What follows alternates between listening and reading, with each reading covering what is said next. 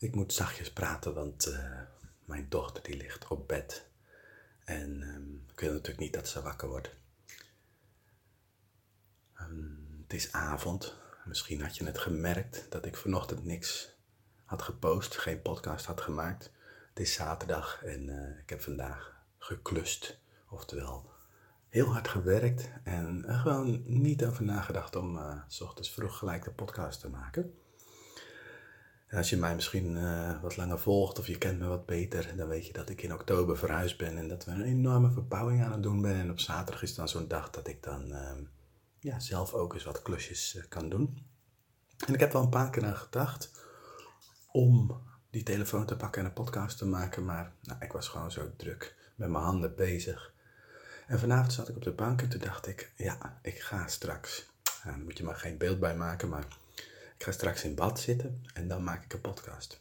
Nou, ik zit nu dus in bad en uh, ik dacht, ik wil gewoon met je delen dat um, verbreek nooit de ketting. En dus als je af hebt gesproken dat je elke dag iets zou doen, in mijn geval een podcast maken, doe dat dan ook. En, want als je één keer overslaat, wordt het de volgende keer makkelijker om over te slaan. Dus ik dacht, nou, dan kan ik hem nu toch doen, geen probleem. En ik moet ook bekennen dat ik er niet aan moet denken dat ik heel mijn leven, de rest van mijn leven, elke dag een podcast zou moeten of willen maken. Maar in ieder geval januari, dat wil ik in ieder geval afmaken.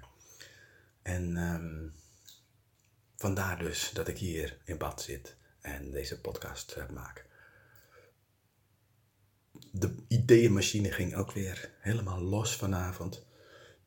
Ik weet niet of je dat herkent als ondernemer, dat er dan dingen voorbij komen in je hoofd of, of, of op een uh, social media platform of gewoon dat je iemand iets ziet doen dat je denkt, oh wat een gaaf idee, dat ga ik ook doen. En dat had ik dus vanavond ook weer.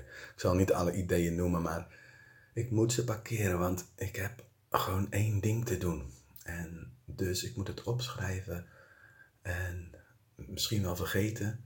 Of er is een, misschien een manier om het in te passen in wat ik, uh, wat ik nu al doe. dus dat is uh, ja, soms gewoon een grote uitdaging.